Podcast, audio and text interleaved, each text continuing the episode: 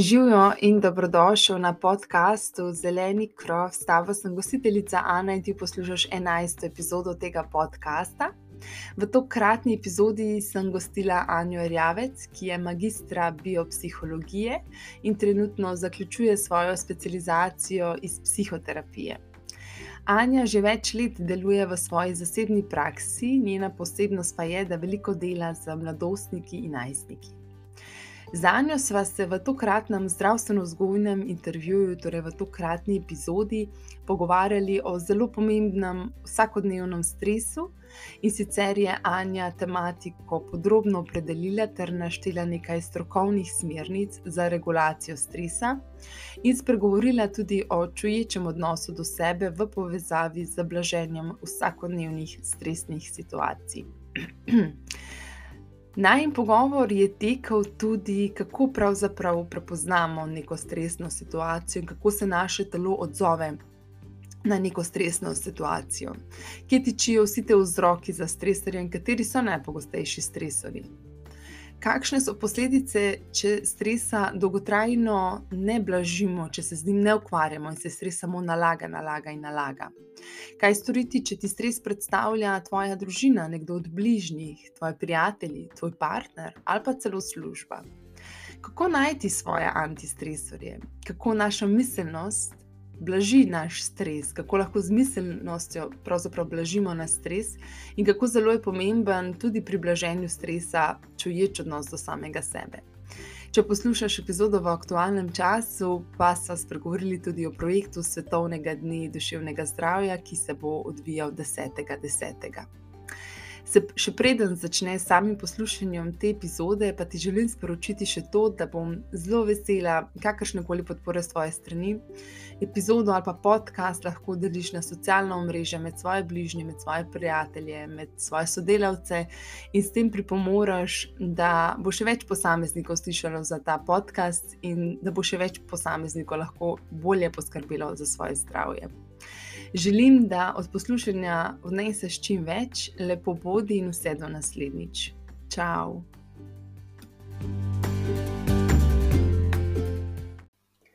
Živijo in dobrodošla Anja na podkastu Zeleni krov, da mi najprej povej, kako si kaj. Živijo, Ana. Um, pa v bistvu sem, sem v redu, že, že zalaupala svoje motorje za danes, tako da v bistvu se veselim najmenjega pogovora in uh, do česa je prišla. Hvala, hvala tudi tebi, da si tukaj, no, da si si vzela čas za tale pogovor. Um, ne mi poveš še kaj več o sebi. Um, torej, kaj si po poklicu, kako deluješ, kje si zaposlena, um, mogoče kaj v svojem prostem času, kaj rada kaj počneš. Okay. Um, skratka, moja formalna izobrazba je magistrica biopsihologije, um, zdaj pa zaključujem svojo specializacijo psihoterapije in v bistvu tudi že zdaj že več let delam v svoji uh, zasebni terapevtski praksi tukaj v Ljubljani. Um, je pa moja uh, mogoče posebnost ali specifika, da delam predvsem z mladostniki, uh, pa z odraslimi. Uh, in pa se ukvarjam zraven tega tudi s čuječnostjo. Uh -huh. uh, pa mogoče še nekaj več povedala uh -huh. o mhm. tem, ampak v bistvu izvajam delavnice, tečaje um, čuječnosti. Uh -huh. Okay. Um, tako, mogoče prosti čas ali pa nekaj, kar um, je v bistvu moj prosti čas zelo povezan z mojim delom, v smislu tega, da rabim zelo dobro skrbeti zase, da, da me v stres in mogoče vse zgodbe in vse te stvari um, da jih odložim. Um, zelo rada hodim v hribe, imam rada naravo. Um, tako da to je nekaj, kar je mogoče za mojo dušo. Um, ja, mi smo danes zataknili stresa in v povezavi tudi s čovečnostjo za regulacijo stresa. Pa morda za začetek, čeprav že vsi nekako poznamo pojem stres in nekako vemo vsi, o čem se govori, o čem se gre, mogoče vseeno neka strokovna definicija stresa. Hmm. Ja, v bistvu, tako je, ne stres predstavlja nek, um, nek normalen odziv vsakega posameznika, takrat, ko se nekako um, začasno poruši naše ravnovesje, ali je to na nekem telesnem ali pa duševnem nivoju. In to ravnovesje se poruši zaradi notranjih ali pa zunanjih vplivov, mi jim rečemo v tem primeru, da so to stresori, um, ki so pa lahko v zelo različnih oblikah. Lahko so mogoče manjši, ne vem, gneča na cesti, ali pa mogoče neki večji, ne vem, smrt v družini, izguba. Um, In pa jih ločimo tudi na zunanje, pa notranje, v smislu zunanje, to, kar se reče, ne vem, gneča ali pa ne vem, neki zunanjega, skratka, da od zunaj nek pride nek držaj, ali pa nek notranji, ne vem, mogoče kakšne skrbi, mm črne misli. Um, in pa se mi zdi pomembno tudi podariti, da stres ni samo negativen, uh, ampak je lahko tudi pozitiven. To neuronovesje, ne vem, lahko tudi ne vem. Rojstvo otroka, uh -huh. ali pa ne vem, skratka, neki prijetni dogodki, ali pa ne vem, poroke, ali še takšne stvari so lahko tudi povzročajo stres, ampak je v bistvu neka pozitivna konotacija zraven. Ni vedno, da je, da je nujno nekaj zelo slabega. Stres in poj nekaj zelo slabega se zgodi. In, ne, Da ne povezujemo samo s tem. Tako da je lahko v bistvu stres tudi pozitiven. Ja. Um, mm. Zakaj pa v življenju pravzaprav pride do stresa? Je to nekaj normalnega, je to nekaj vsakdanjega, ali v bistvu v življenju naj ne bi prihajalo do stresa? Mm. Ne, stresu se noben ne more izogniti, nobena tehnika ne obstaja, ki bi lahko kar izkorenila stres, ki ga doživljamo. Um, Vse čas bo in vedno se bo dogajalo, kar, kar je najbolj pomembno, je pa to, in kar lahko mi naredimo za to, je, da se ga naučimo zelo dobro um, handlati z njim, ga uravnavati, operirati z njim um, in v bistvu tako, lahko, tako lahko v bistvu živimo z njima. Ne? Je del, del našega življenja, del našega bivanja.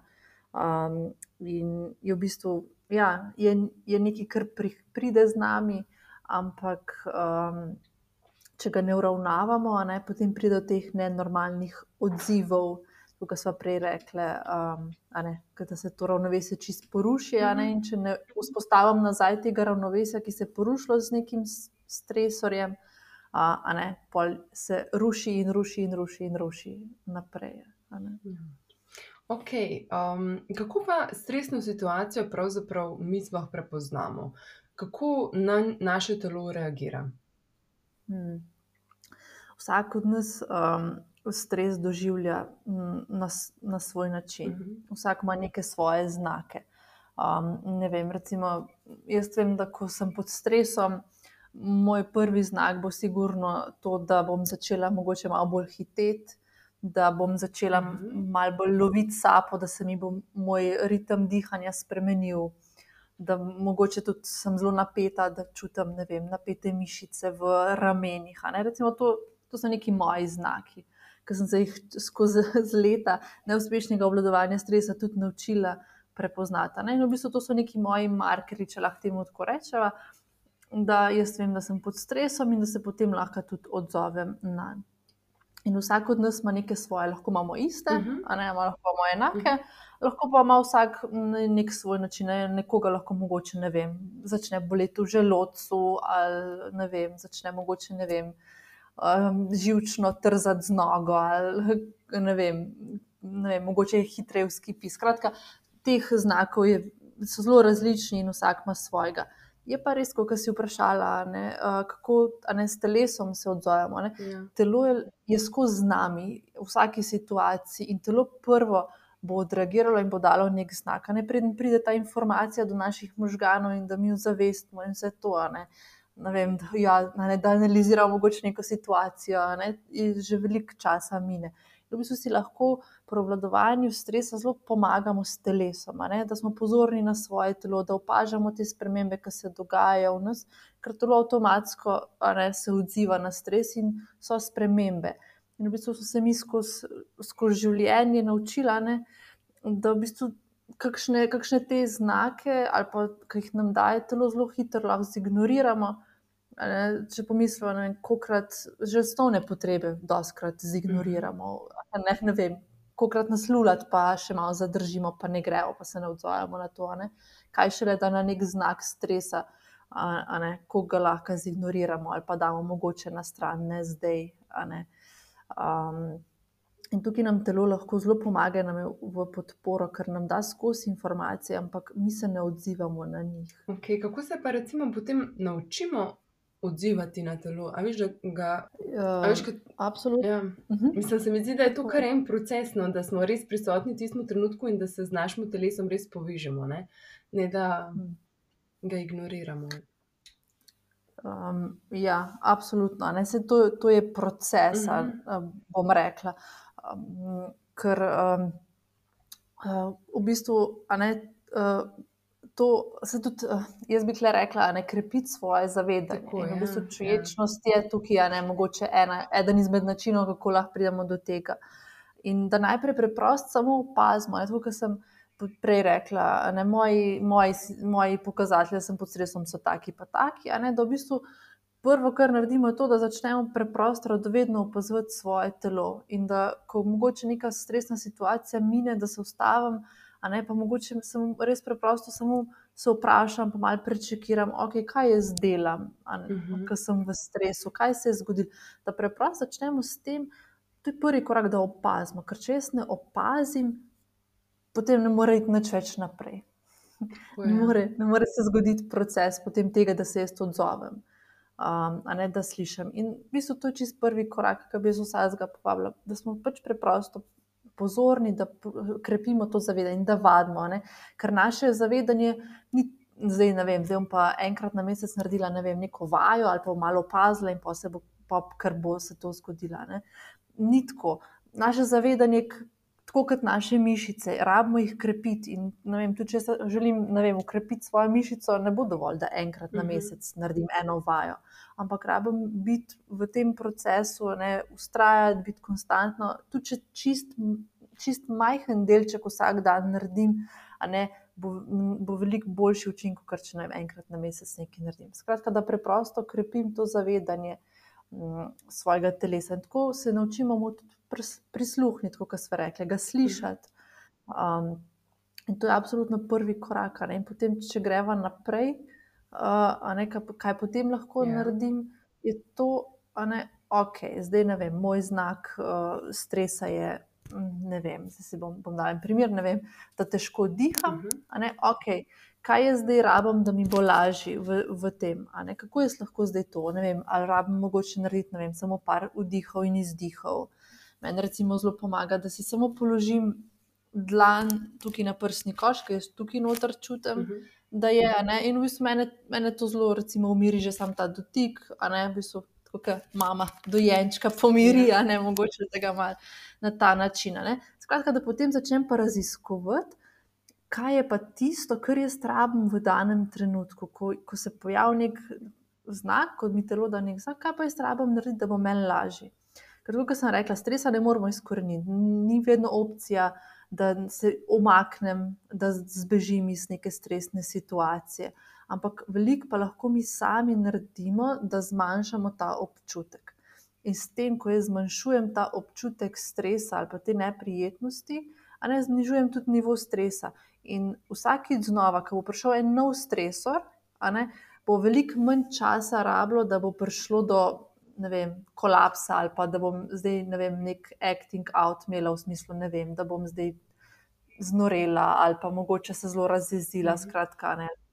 A, a ne, in tukaj zelo znižujem ne, lahko ta nivo stresa, ki ga občutim v enem trenutku. Ja, je treba kar prisluhniti svojemu telesu in se na, na to tudi odzvati, ne, ne samo ja. pustiti. Okay, kje pa tičijo um, tako v grobem vzroki za stresorje? Hmm. Doživljanje stresa je zelo subjektivno. Vsak od nas um, doživlja um, stres uh, na svoj uh mhm. -huh. način, kot sem prej rekla, na svoj način, ampak tudi kaj, kaj vsakmu od nas povzroča stres, je zelo različno. Ne? Mene lahko popolnoma v stres spravi, ne vem, gneča na cesti, pa da nekdo ne vem, pred mano zelo počasi vozi, recimo tebe to mogoče sploh ne gane. Mhm, ne, mhm. pač, ne, se, ne. In je tukaj že, um, že zelo subjektivno, skratka, pretekle izkušnje, ne, uh, ki jih imamo. Um, skratka, vse to nekako potem oblikuje našo zgodbo, ne, kdo sploh mi smo in tudi kako se odzivamo. Ne, ker v bistvu vse te naši odzivi, tudi v stresnih situacijah, ko, nek, doživljamo nekaj um, ker je zelo, uh, čust, ima zelo velik čustven naboj, bomo zelo avtomatsko se mi odzivali, ker rečemo, da ne vem, v afektu nekaj naredimo. To je zelo avtomatsko znotraj nas in na podlagi preteklih izkušenj, sporočil, ki smo jih dobili skozi življenje, prepričanj, ki smo jih ustvarjali o sebi, drugemu svetu, skratka, smo mi postali neka celota z vedenjem. In čustvovanjem, in razmišljanjem. -huh. Na podlagi tega se mi odzivamo.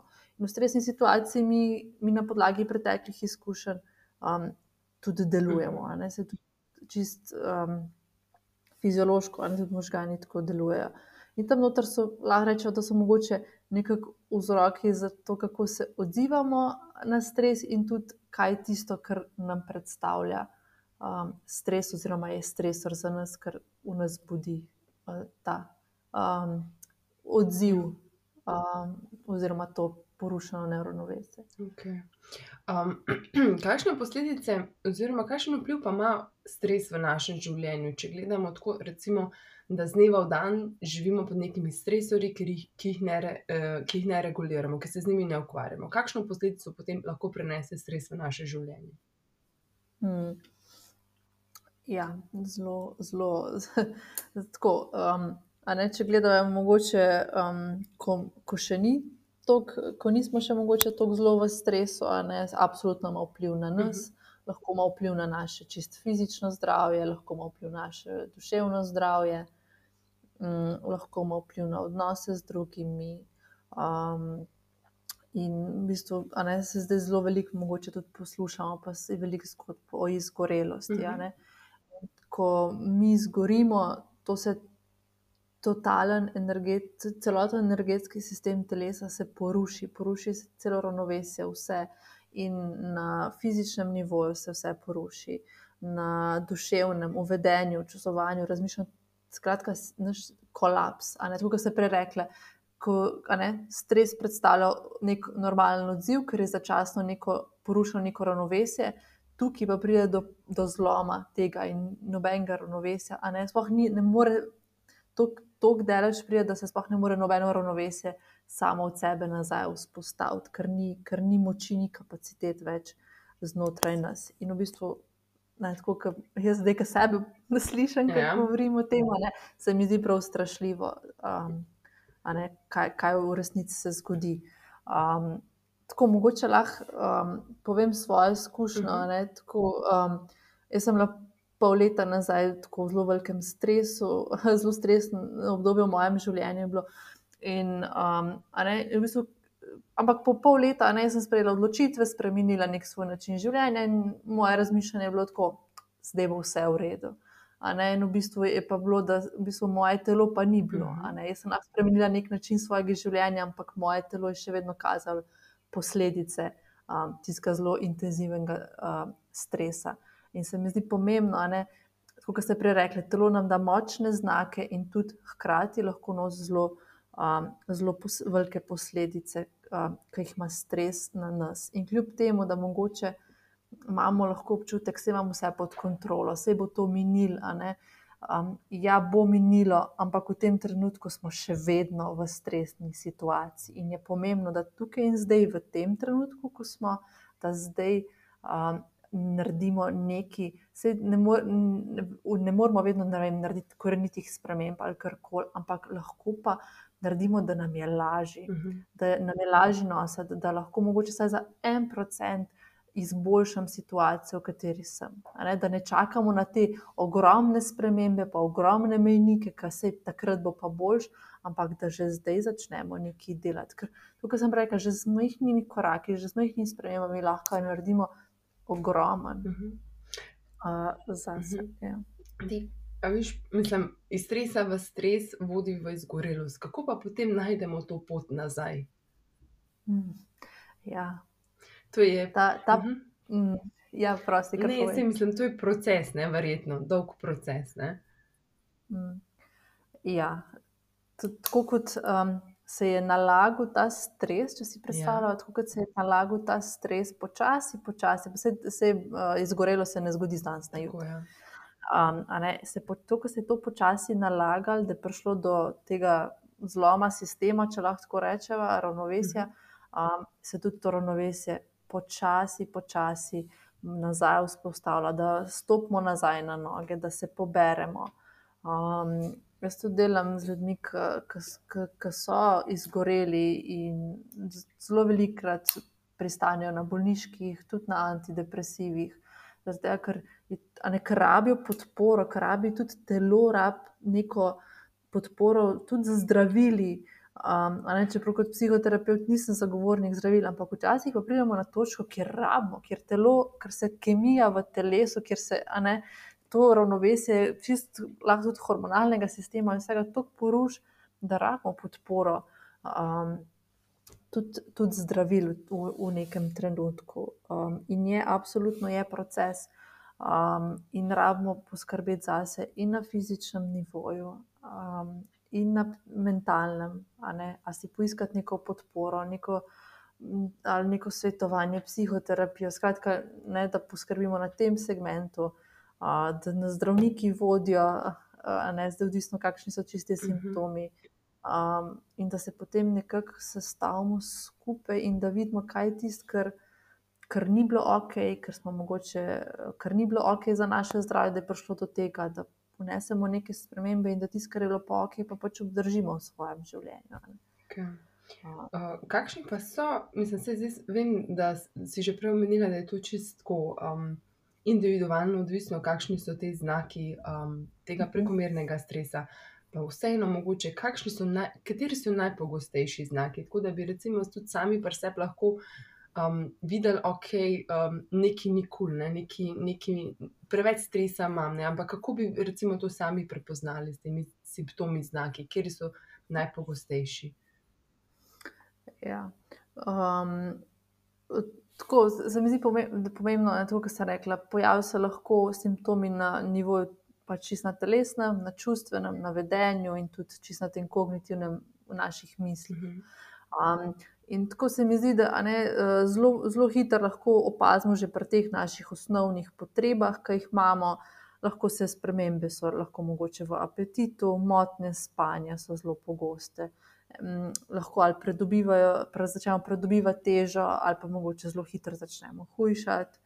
Um, skratka, res lahko so tudi kakšne spremembe čisto v hormonalnem sistemu, lahko ne vem dobimo mogoče ne vem, kakšne akne ali skratka, ne, nekje na telesu se lahko ne vem, kak, ali pa kakšne, ne vem, kakšne kožne mhm. stvari. Skratka, nekje, nekje se pozna, ampak ne že mogoče res um, pri teh osnovnih funkcijah lahko zelo hitro opazimo um, ne, neke spremembe. Mogoče na čustvenem nivoju, ne, da smo lahko mogoče bolj razdražljivi um, da ni mogoče več toliko nadzora nad, čust, nad svojimi čustvi, ki smo jih imeli prej. Um, skratka, nek, neka odstopanja čisto v tem segmentu. Um, ja, mogoče tudi v vedenju, ne vem, kar naprej mogoče hitimo, ali se sploh ne moramo umiriti, ustaviti. Um, pa mogoče na kognitivnem nivoju, ne, kar sem prej rekla, so mogoče kakšne pretirane zaskrbljenost ne nekno neko razmišljanje, overtinkanje. Ne, uh mhm. -huh. ne vem, razmišljamo, ne vem, kaj moram še narediti jutri, in ne nekno razmišljanje, ne vem, mogoče o službi, o ne vem, o ne vem, nekih svojih stvarih. Skratka, um, Zelo kar sporočena, na, lahko na, na večjih. Um, Tako. Ja. Se zdaj ne, ne, ne želim, ne, da gremo, da zdaj pa vsak, ki ne more zvečer zaspati, bo že mislil, da je izgorel, ja. delč od tega. Ampak ne, že pri osnovnih stvarih lahko zelo hitro opazimo. In kar se meni zdi najbolj pomembno, je, če opazimo, da mu se odzvati na to. Če vidim, da ne vem, en teden ali pa ne vem, en mesec, že res ne morem, imam težave s spanjem ali pa se ne spočijem ali karkoli. Okay dajmo se ustaviti zdaj, ne čez eno leto, ampak dajmo se ustaviti zdaj in pogledati, kaj, kaj, kaj se dogaja.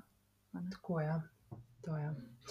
Um, zdaj pa, če gremo mogoče malo bolj na konkreten primer. Um, kaj mhm. storiti, če stresor predstavlja, oziroma je stresor naš partner, mogoče celo naša družina, morda naša služba?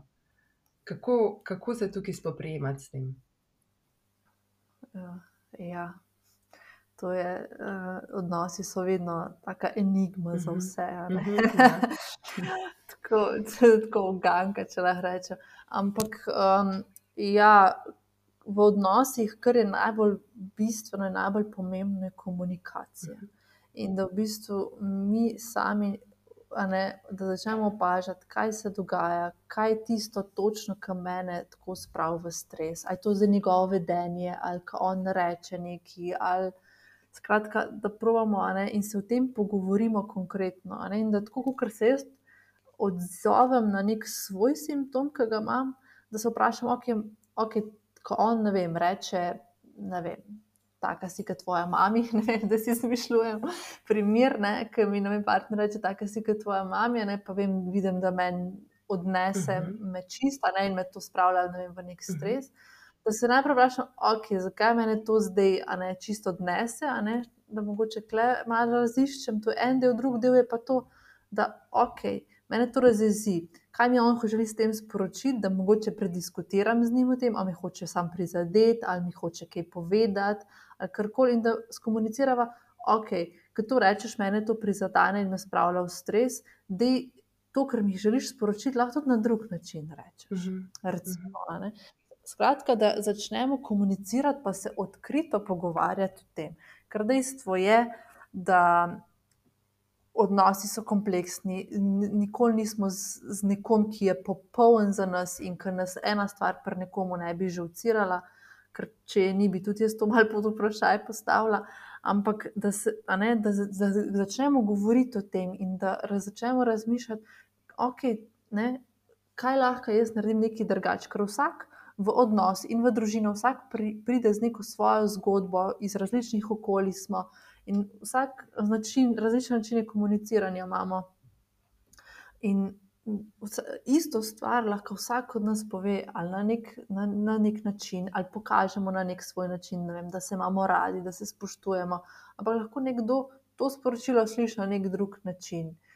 Ne, in mu lahko to predstavlja stres. Ampak se prav začnemo pogovarjati o tem in se pogovarjamo o tem, da je to normalno, mhm. ne, da, da se kdaj mogoče nismo všeč ali pa da smo pod stresom zaradi tega, in da, da vidimo, kako lahko stvari pa naredimo drugače.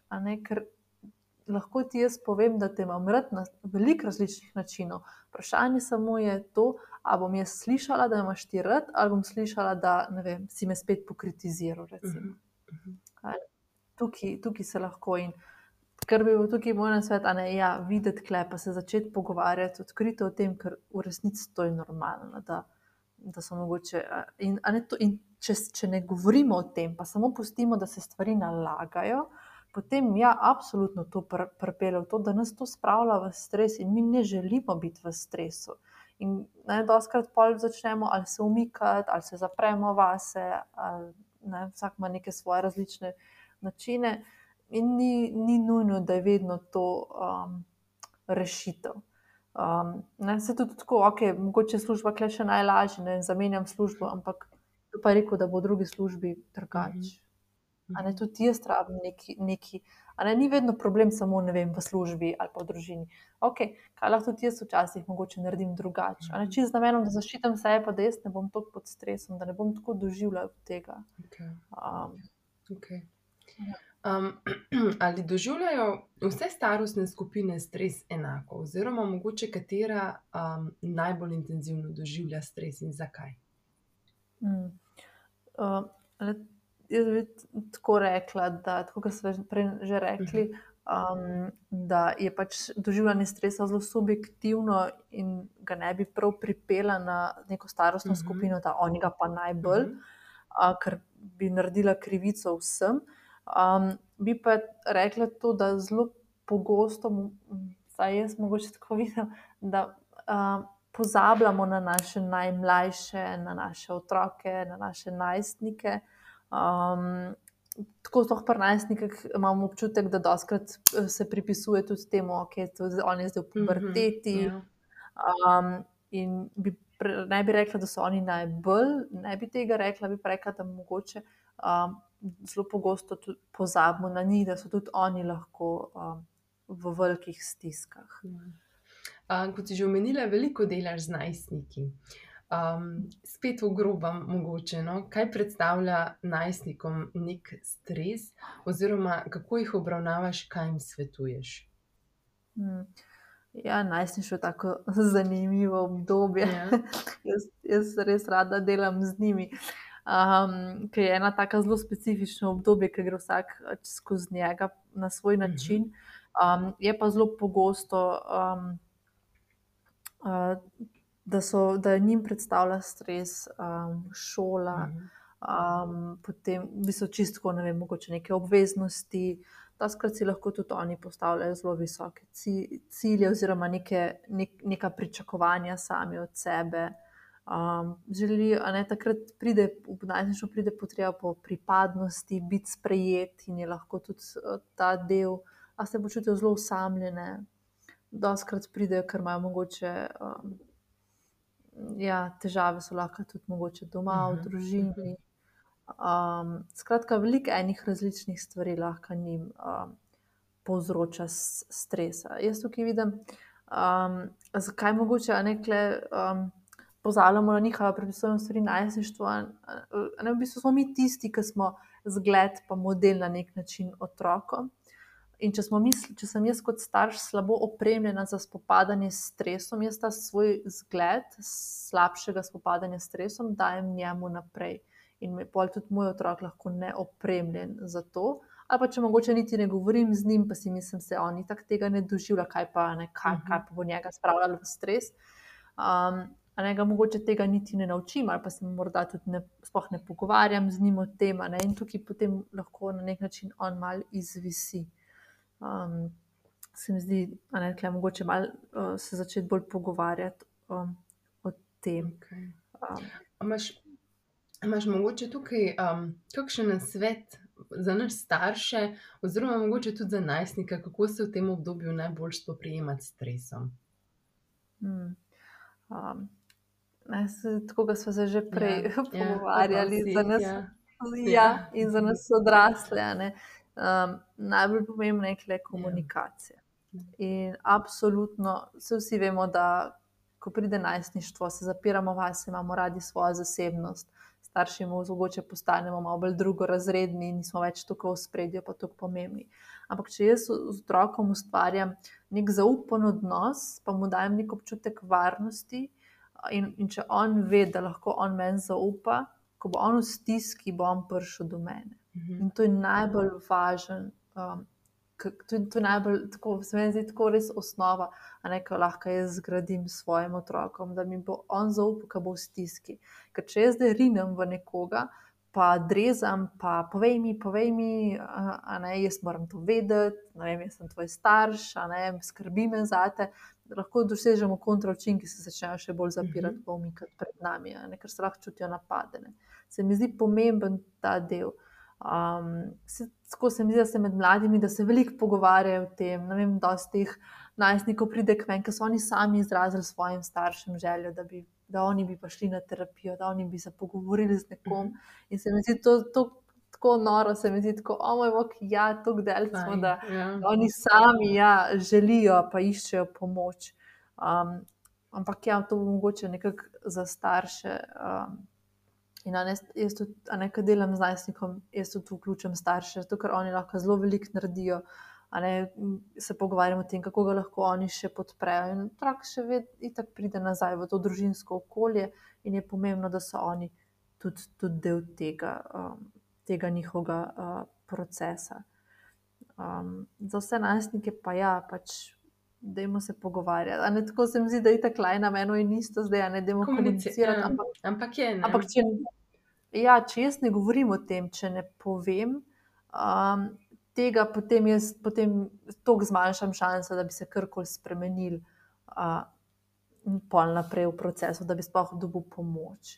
Um, in absolutno, a ne, vedno, vedno se dajo stvari rešiti. Je pa lahko doskrat občutek, da ne pomaga, tega, ker pač ni takojšen učinek. In se mi zdi, da smo zelo naravnani k temu, da da si želimo takojšen učinek, videti rezultate, ampak žal pri teh stvarih pač je proces. Proces je se naučiti spopadati s stresom, proces je doživljati stres in ne, da vpliva na naše zdravje.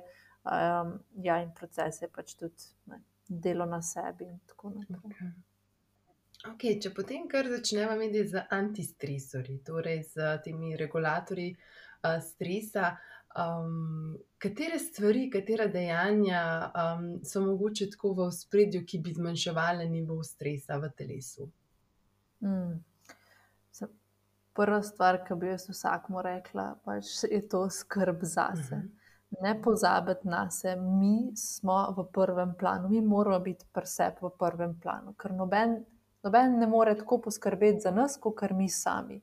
Ker samo mi sami vemo, kaj doživljamo, kako se počutimo in kaj rabimo. Mogoče nimamo ozaveščeno, ampak verjemite, da nekdo drug zraven mene ve še manj, tudi če jaz že ne vem, on ta drug zraven mene ve še manj, mhm. kaj je strahno, kot kar jaz. In je to najbolj pomembno. In da, da, da, svoj, ne, da, da ne čakamo zdaj na to, da, imam, da je vikend ali pa da imam vem, dopust, ampak da, ali pa počitnice, ampak da vsak dan probam narediti nekaj zase. Pa to so lahko res malenkosti ali um, ne vem, da si zvečer naredim skodelico čaja, ker mi je ful dobr čaj. Ali ne vem, da, da se skratka, ne, skrb zase v smislu pocrkljati se, um, zbujati to dobro počutje, se sproščati, iskati načine. Lahko je vem, to, da me sprošča že, ne vem, da si pržgem tam le eterično olje, pa mhm. mi diši prostor. Ali vem, da si zamenjam rjuhe ali ne vem, iti na sprehod uh, vem, s psom ven, ali um, vem, poklicati prijateljico, pa malo počakati uh, za pet minut. To je lahko res karkoli, um, a ne ta skrb zase. In da probamo tudi se naučiti um, raz, neko razmejitev narediti, da probam pustiti službo v službi. Mhm. In um, da sem doma to, kar sem, ne, da sem v službi, sem zaposlena, da doma sem mama, partnerka, otrok, karkoli že. Ne, da pravimo narediti to ločnico. Ker če, ne, če, je, vem, če si predstavljamo, služba je moj stresor in jaz pripeljem službo domov, vem, da še vedno razmišljam, mail na telefonu še kar zvoni, gledam, berem maile, kličejo me, se dvigujem telefon, čeprav nisem več tam jaz sem konstantno v stresu, jaz pa ne prekinem tega, um, tega procesa doživljanja stresa. Um, skratka, da si naredimo neke te razmejitve um, in da postavimo klep mejo tudi samo sebi. Uh, da si rečem, ok, ko sem doma, sem doma. A, a, a ne? Mhm. Ok, bom podaljšal, ne vem, da ne, vsak ima nek svojo službo, pa specifiko, pa pač vsak naj poišče znotraj svoje službe svoj način, absolutno in kar mu ustreza. Ampak, recimo, jaz vem, da sem si pač, da sem zelo dolgo rabljala do tega, ampak sem si postavila pravilo, ko je vikend, pač ne diram, jaz se ne pogovarjam z nikomer, kar je izven službe. Um, vem, da je pač za te ljudi poskrbljeno in da če je karkoli nujnega, je tam nujna mhm. pomoč. Recimo, um, in ne, ne vem, da mi ne zvonijo maili, ne, da si sklopim te notifikacije. Tudi ta obvestila, kaj delajo, one, oni se usilijo nam v naš čas in v naš prostor. Da, če jaz se odločim pogledati, mail, je to moja zavestna odločitev in jaz dam dovoljenje, ne, da, da ni od zunaj, da me spet nekdo nekaj hoče od mene, da, da ne rabim biti v neki konstantni pripravljenosti, kaj pa če. Um, da, ne, da, da probamo ne, tudi na ta način uh, poskrbeti ja. za sebe. Um, tako, in, in to na vseh nivojih. In da, ko sem v odnosu z nekom, da sem res tam, ne, da je to nek kvaliteten čas, pa tudi če to samo pet minut, ampak ne, da nisem takrat, ne vem. Ne da, veš, kaj se doskrat zgodi, pa niso zdaj sami telefoni, ne bom krivila telefonov, daljč od tega. Ne, ker doskrat se zgodi to, da sem jaz tako upeta, ne vem, recimo, če da zdaj primer to službo, ki jo imamo če jaz vse čas razmišljam samo o službi in jo prenesem domov in doma še vedno razmišljam o službi in meni moj partner nekaj govori, ne vem, nekaj ful dobro, kaj se mu je zgodilo in je on tle cel vesel in jaz še vedno razmišljam o službi, to ni kvaliteten čas mhm. z njim. O, ne, če pomislim, ima zih občutek, vse me tako sploh ne posluša, kaj sploh govorim, jaz tle cel vesel, se lahko počutim žalenega, jaz sem še vedno v službi in sem še vedno pod stresom v, v mojih mislih, In to ima absolutno vpliv tudi na druge, da pravim biti res tam, ne v bistvu kradem kle nek čas, ne vem, recimo z mojim partnerjem, yeah. da bi delil zdaj. Um, a ne, a ne, če tako zdaj razdelava vse, kako ima to široko vpliv na čisto vse, in v bistvu, kako malo je treba, da lahko naredimo en korak, pa malo zmanjšamo ta stres. Tako je. Ja. Ful dobro si to napovedala. Um, doživljanje stresa je izredno povezano torej z našo miselnostjo, oziroma s tem um, tako imenovanim čuječim odnosom do samega sebe. Da mi povej, kako predelujemo sploh ta pojem čuječnost, oziroma kaj je to? Mm. Tako jaz bi definirala čuječnost, da gre za um, posvečanje pozornosti na en tak poseben način. Uh Mhm. -huh. In ta način je, da posvečamo pozornost um, radovedno, pa ne obsojajoče. Um, kot so že prej rekle, čisto na začetku, um, vem, da lahko zelo dobro opazimo svoje telo, znake svojega telesa. Da v bistvu, ko to opazujemo, da v bistvu opazujemo zelo radovedno, ne tako, kot mehen otrok, ki ne vem, vse prime, pa da vse usta, pa stisne, pa povoha. Ne. Da tudi mi začnemo na tak način radoveden, brez nekih predpostavk. A Veš, mi, mi smo si sami postavili neke predpostavke. Ne? Ne vem, to je skodelca, to je svinčnik, to je vem, računalnik. Um, ne, absolutno um, zato, ker nam je lažje tako funkcionirati. Ampak v bistvu pozabljamo to, da si pa tudi na en način oduzamemo ta del. Ne? Da bi jaz res pogledala vem, to skodelco, pa da bi res videla vem, te barve, kaj se dogaja. Ne? Tako neke detajle spustimo um, in v bistvu ti detajli, a ne recimo telesa, so lahko tudi ti znaki stresa in pol to, kar gre mimo nas. Um, da pravimo ne, res radovedno opazovati um, ne samo svoje telo za temi znaki stresa, ampak tudi svet okrog sebe videti. Ne na tak način, Mhm. da se zavedamo, kaj je okrog nas. Ne, če pomisliva, kolikrat ne vem, se peleš po eno isti poti domov, pa ne vem, sploh ne veš, kdaj si prišel. Ja. Ali pa ne, ne vem. Odpreš vrečko čipsa, pa sploh ne veš, kdaj je zmanjkalo, ker sploh nisi tam, ker sploh ne vem, mogoče niti ne okušaš, sploh kaj si jedel. Um, zato, ker nismo zares tam prisotni. In ta, ne, če si tako predstavljaš, kako grejo take stvari, ki ne, zginejo na nek način, ne vem, ta pot in ta vrečka čipsa, ne, tako zginejo tudi lahko zelo lep, lepi trenutki v našem življenju. In tako mi lahko tudi spozijo tisti znaki stresa, ki jih je naš tel, naše telo dalo, pa jih sploh nismo slišali, ker smo bili mi čist nekje drugje. Tako, ker ne. mislim, mi nismo bili v trenutku. Tukaj, ne. ja, tukaj in zdaj. In ne, tako, tako se mi zdi, pa ko se začnemo mogoče bolj upozoriti poslušati, ko ugotovimo, ka kar naprej razmišljamo za naprej ali pa za preteklost, kaj je bilo. A Ne, noben se pa ne ustavi, okay, kaj pa zdaj, Ja. kaj pa zdaj v tem trenutku. Ne? Ja. Ne vem, če tako pomislim, um, če pomislim, ker si me prej vprašala, kako sem. Ja. Ne? Sem tudi začela razmišljati, kaj sem že počela danes. Ne, sploh ne, kako sem zdaj, točno zdaj. Uh, in kako koliko smo zautomatizirani, da, da razmišljamo tako, in je pomembno, kako sem tukaj in zdaj, ker vso moč za spremembo imam tukaj in zdaj, ne jutri, pa ne včeraj, ampak zdaj, točno ta moment, kako se jaz počutim, ker čez eno minuto sem že drugače počutila. Ja. Mhm. Okay. Kako pa je čuječnost povezana z regulacijo stresa? Mm. Ja, ravno na ta način, Mhm. -huh. ko smo se zdaj pogovarjali, zavedanje, Mhm. -huh. krepiti svoje zavedanje, da opazim, ozavestim, um, kje so znaki stresa, da prepoznam ali v telesu, v sebi, ali je to zdaj čisto telesno, ali vidim, da vem, mi misli tavajo, da se mogoče drugače vede. Skratka, ozavestiti, kaj se dogaja z mano takrat.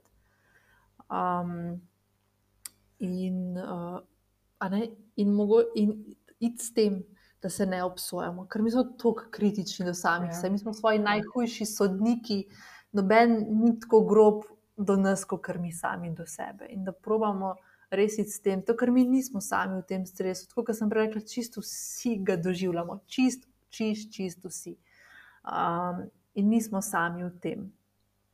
Um, in pa potem, a ne, iti v to, um, a ne, eksperimentiranje, raziskovanje, a ne, tako kot mehko otrok išče načine, kako uno kocko čez uno luknjo ne, Vse možne načine. Tudi mi pravimo eksperimentirati, pa iskati načine, kaj je pa tisto, ki je strabim v danem trenutku, ko sem v stresu. Da pravimo ne, nek ta radoveden pristop, us- usmeriti in v bistvu naš čuječnost in tukaj to zelo uči in v bistvu nam kle lahko, ne glede zaradi tega, nam to zelo močno pomaga pri regulaciji stresa. In tudi s tem, vem, če delamo kakšne čuječe vaje ali meditacijo ali karkoli, ne se tudi to vpliva čist na, na to, da se umirimo, da ustavimo, se lahko nam tudi mogoče malo čist srčni utrip uh, zniža, dihanje umiri čist tudi na fiziološki ravni. Dobro, ok. Um, mi smo prišli kar že proti koncu najnega pogovora, Anja. Um, da mi nekaj povej. 10.10. je svetovni dan uh, duševnega zdravja. Um, ti si organizatorka um, projekta, ki se bo odvijal na ta dan. Mi poveš malo več glede tega projekta še? Ja, v bistvu, najprej bom samo popravila, nisem ja, organizatorka, okay. ampak nič hudega. Uh, ampak um, sodelujem pri tem projektu okay. in se mi je zdelo kot nalašč uh, ta tema, ki so jo medve danes odprle.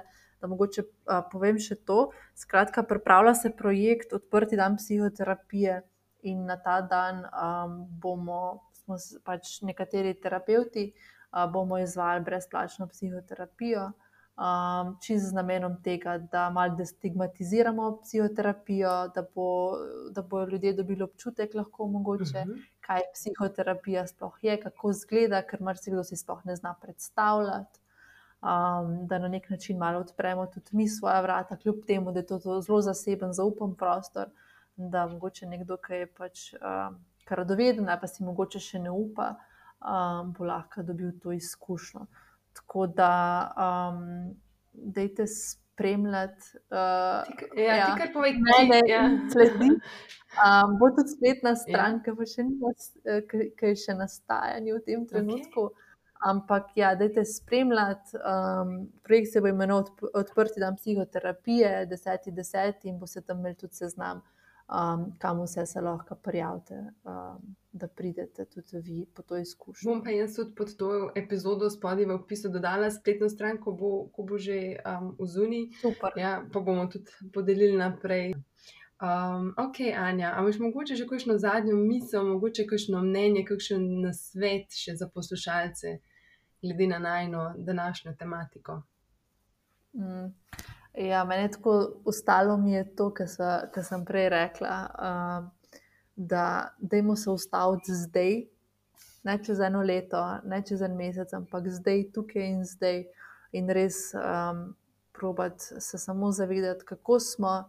In če se vsak dan res vprašam, kako sem samega sebe, in si resnično in najbolj iskreno in surovo odgovorim, kako sem uh, je moje mnenje, da naredimo že zelo, zelo, zelo ogromno uh, za sebe in, ja, in da je to absolutno prvi korak, ki ga delamo k sebi. Mm. Okay. Hvala, Anja, za ta pogovor in lepo bodi. Ja, Ana, tudi tebi, hvala za povabilo in za, mi je bilo zelo prijetno klepeti. Malenko si hvala in enako. Mm.